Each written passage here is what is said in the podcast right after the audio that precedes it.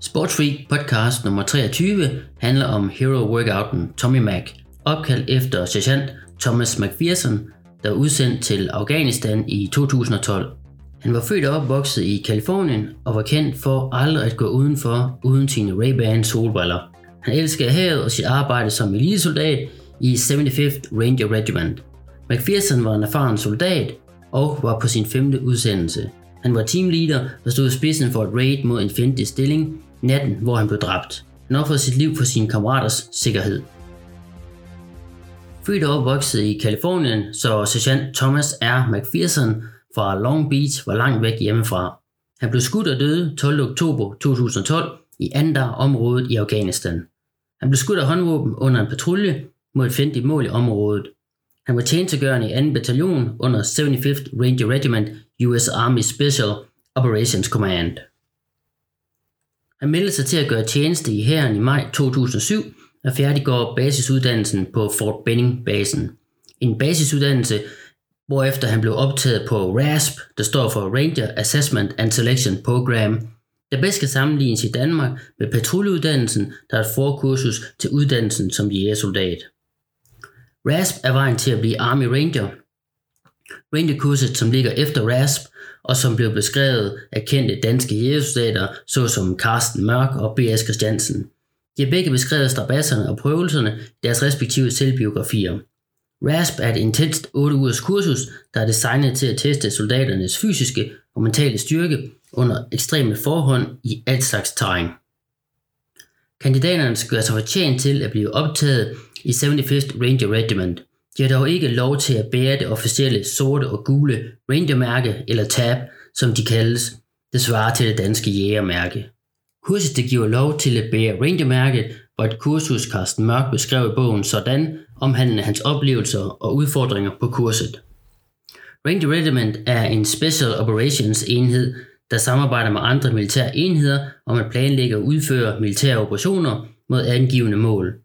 Det er herrens største specialoperationsgruppe, der er specialiseret i raids og angrebsmissioner dybt inde bag fjendens linjer.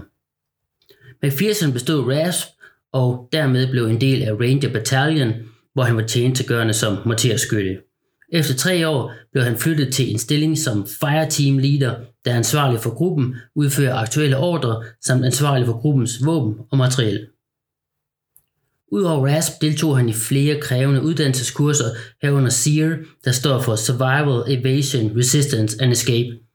Et kursus, hvor deltagerne kommer fra andre specialoperationsenheder, såsom Navy SEALs, Recon Marines med flere.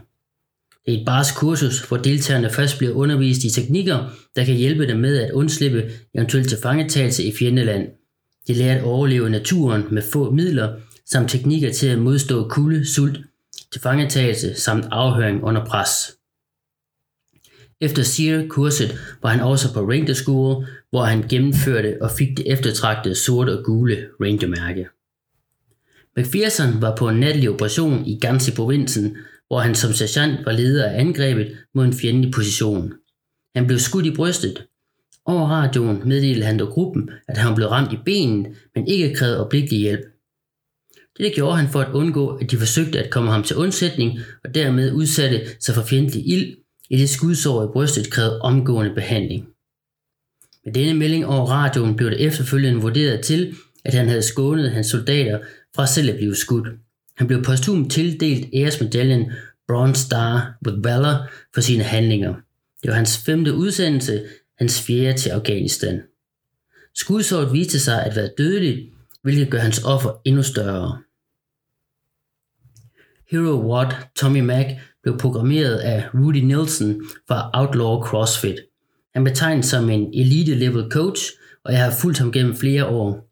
I mine tidligere år af CrossFit tjekkede jeg altid hans videoer med tips og tricks til, hvordan man bedst taklede watts i The Open.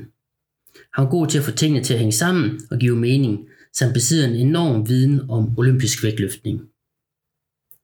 Den 27. oktober 2012, knap 14 dage efter McPherson blev dræbt, lavede Rudy et opslag på hans blog The Outlaw Way. Han programmerede denne award efter at have læst et indlæg skrevet af McPhersons platoon leader. Her var han beskrevet som den quiet professional, der ikke søgte anerkendelse for, hvad han udrettede. Han døde, mens han gjorde det, han elskede, at beskytte os alle sammen. Hero Award Tommy Mac lyder. Two rounds for time, 12 burpees, 12 thrusters, 12 burpees, 12 power snatch, 12 burpees, 12 push jerks, 12 burpees, 12 hang squat cleans, 12 burpees, 12 overhead squats. Jeg havde sommerferie, og selvom vejret ikke afspejlede dette, var det alligevel godt nok til en udendørs Hero watt på terrassen derhjemme.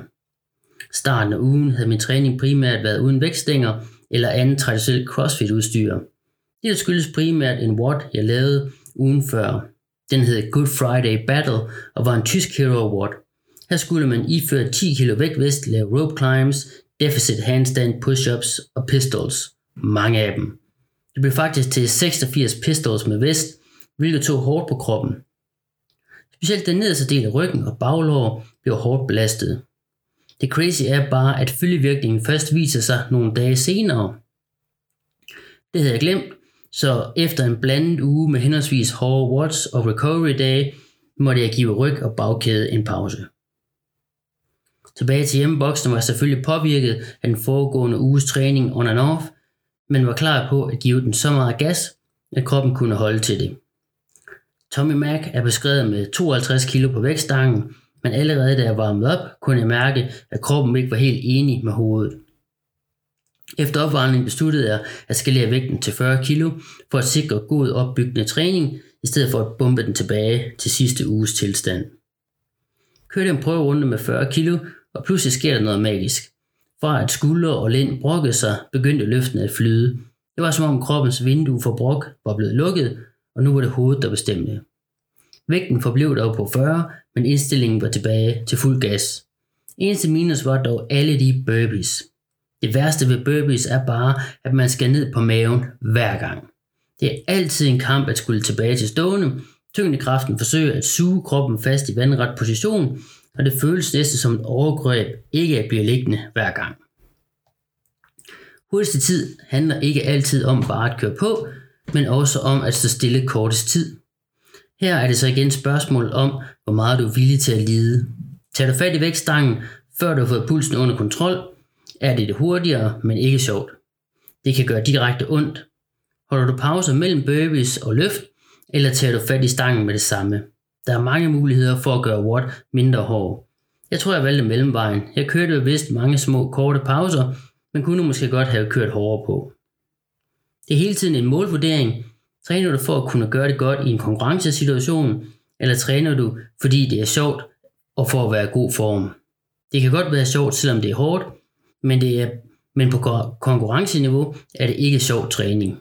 Men det er fedt at lave en hurtig tid, at løfte tungere vægte end konkurrenterne. Strategien var at bide alle løft over i to sæt af seks løft. Burpees var bare sted. Alle sæt blev delt, dog ikke push jerk og overhead squat, hvor jeg kørte unbroken. Det gav flow og god træning. Overskud til at arbejde med de tekniske detaljer, således risikoen for skader blev minimeret. Samt slid på kroppen, når halvgode løft skal stabiliseres i dårlige positioner. Jeg var så heldig med vejret, at jeg fik både sol og kølig luft, der gjorde workouten til en fornøjelse. Det gav blod på tanden til mere, så træningen sluttede efterfølgende med en løbetur på 8 km. Hvis du har hørt denne podcast uden at være forbi sportsweek.dk, kan du med fordel tjekke mit website ud. Her er der billeder og links til forskellige baggrundsartikler. Jeg håber, du blev underholdt eller inspireret. Gjorde du det, må du meget gerne smide et like på Facebook, eller følge mig på iTunes, Spotify eller SoundCloud. Tak for denne gang. Vi ses i boksen.